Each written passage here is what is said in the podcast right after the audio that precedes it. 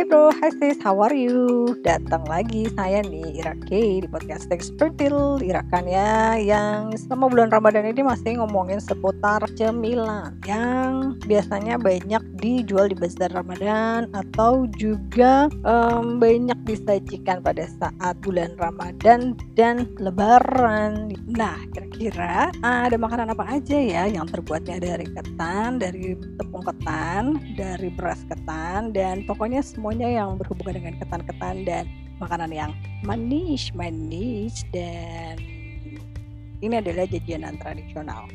Jajanan pasar. Hmm, apa aja yang kira-kira?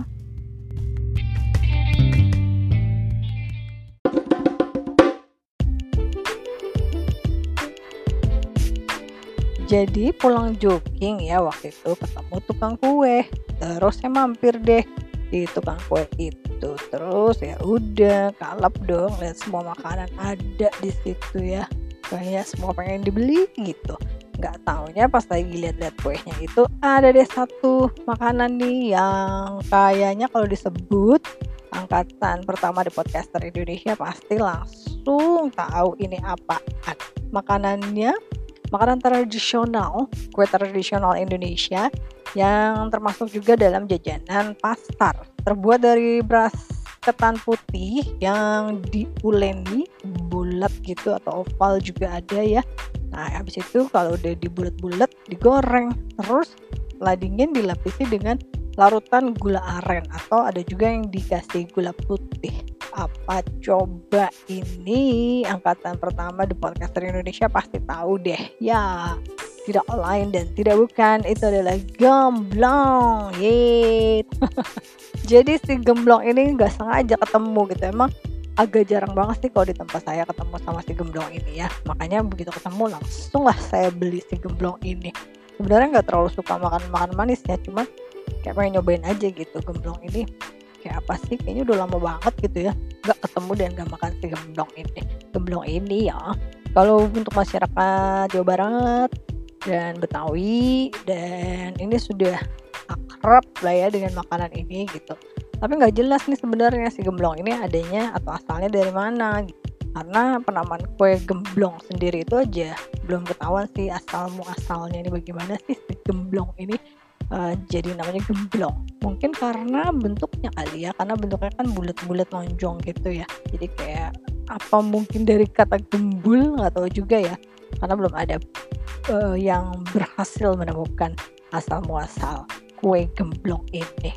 Terus cerita-cerita tentang gemblong ini ya, nggak cuma di daerah Jawa, Sunda atau Betawi aja nih yang kan makanan gemblong ini karena kalau di Jawa Timur ada juga seperti gemblong tapi namanya getas. Tapi kalau getas ini dibuatnya dari ketan hitam.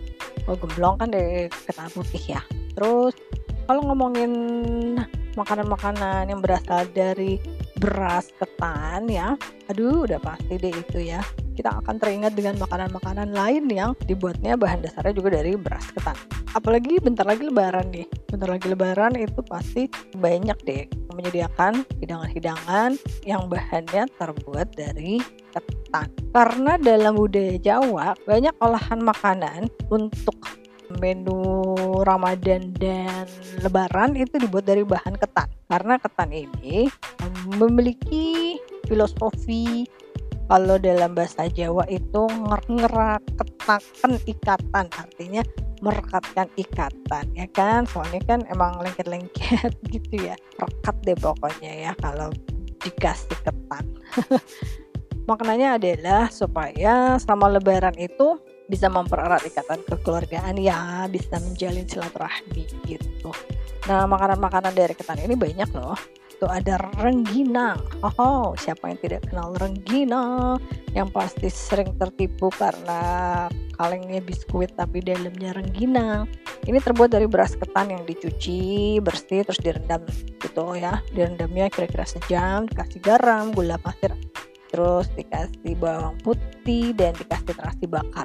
Terus habis itu dikukus ketannya. Setelah dikukus dia dicampur bumbu-bumbu dikukus itu minimal 30 menit sampai matang. Nanti kalau sudah selesai itu biasanya ditaruh di atas nampan terus dijemur sampai kering. Nah kalau sudah kering itu baru digoreng. Uh rengginang. Itu ya crunchy crunchy gimana gitu ya. Kayaknya memang kalau lebaran nggak ada rengginang itu. Hmm, kurang lengkap ya khususnya kalau yang kita tinggal di daerah Jawa Barat ya di Bandung. Terus ada lagi apa sih makanan yang terbuat dari ketan? Ada lupis. Uh saya ingat sekali dengan si lupis ini ya. Jadi setiap pagi dulu keliling di daerah perumahan saya di Bandung dulu ada nih yang jualannya si ibu tukang awuk. Dia jualan lupis keliling. Lupis ini juga terbuat dari beras ketan ya. Jadi kasih daun pandan kasih gula putih terus dikasih kelapa muda diparut dan dikasih gula merah. Lupis ini biasanya dibentuknya bentuk segitiga gitu. Terus kalau pada saat makan tuh dikasih parutan kelapa sama gula merah. Rasanya manis sekali. Nah ada lagi nih satu makanan ya yang bisa dipakai buat buka puasa dan juga untuk lebaran nanti bisa lah disajikan ya. Kue klepon klepon ini juga dari tepung ketan kalau ini campur garam, kelapa parut, gula merah, dan daun pandan hijau. Nah ini dibulat-bulat kecil gitu ya rasanya khas sekali dan jadi ciri khas makanan tradisional atau jajanan pasar. Klepon ini biasanya dihadirkan di acara seperti selamatan, pesta, atau perayaan. Konon katanya sebelum abad 19, klepon ini sudah menjadi cemilan manis yang banyak dikonsumsi oleh masyarakat Jawa kuno. Itu. Klepon gak cuma ada di Indonesia ya, ternyata di Malaysia dan Singapura juga ada. Dan suku-suku lain dan Bali, Sulawesi dan Sumatera juga punya yang namanya kelepon ini. Kan namanya berbeda ya kalau di daerah-daerah lain gitu. Tapi bentuk makanannya mirip-mirip ya. Tapi namanya yang beda. Nah ngomongin ketan lagi nih ada namanya ya ini enak juga nih buat buka puasa atau buat cemilan atau hidangan di hari raya yaitu ada namanya ketan bumbu serundeng. Nah ini ini enak banget ya.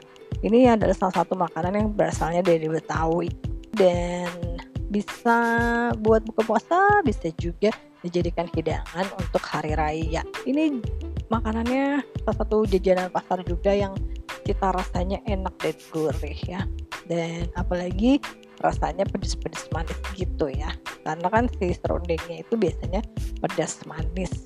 Serundengnya sendiri itu adalah parutan kelapa yang digoreng hingga kuning kecoklatan. Cocok sih buat hidangan hari raya paling enak sih sebenarnya si kentang eh kentang ketan serundeng ini di jadi sarapan pagi. Ya enak deh sebenarnya tapi kan lagi puasa ya. Terus ada lagi nih makanan lain dari makanan tradisional Nusantara berupa kue dengan isian gula Jawa dibalut dengan parutan kelapa dan tepung beras butiran kasar.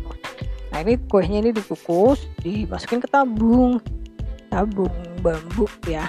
Biasanya sih jualannya malam-malam ya ada suara khas uap yang keluar dari alat suitan ini biasanya jadiin alat buat promosi ya. Kali ini pasti udah ketahuan bunyinya tuh tuh gitu ya. Itu namanya kue putu. Kue putu ini warna putih dan hijau. Dan kue putu ini kuenya juga khas ya. Sekilas sih um, rasanya mirip ya sama klepon karena dalamnya sama-sama ada gulanya gula merah. Tapi kalau kelepon kan di bulat-bulat ya. Kalau si putu ini kan dimasukin ke dalam bambu. Jadi itu sih ciri khasnya. Terus nanti kalau udah matang tuh sama si abang yang jualannya di apa disodok gitu ya. Sampai keluar gitu.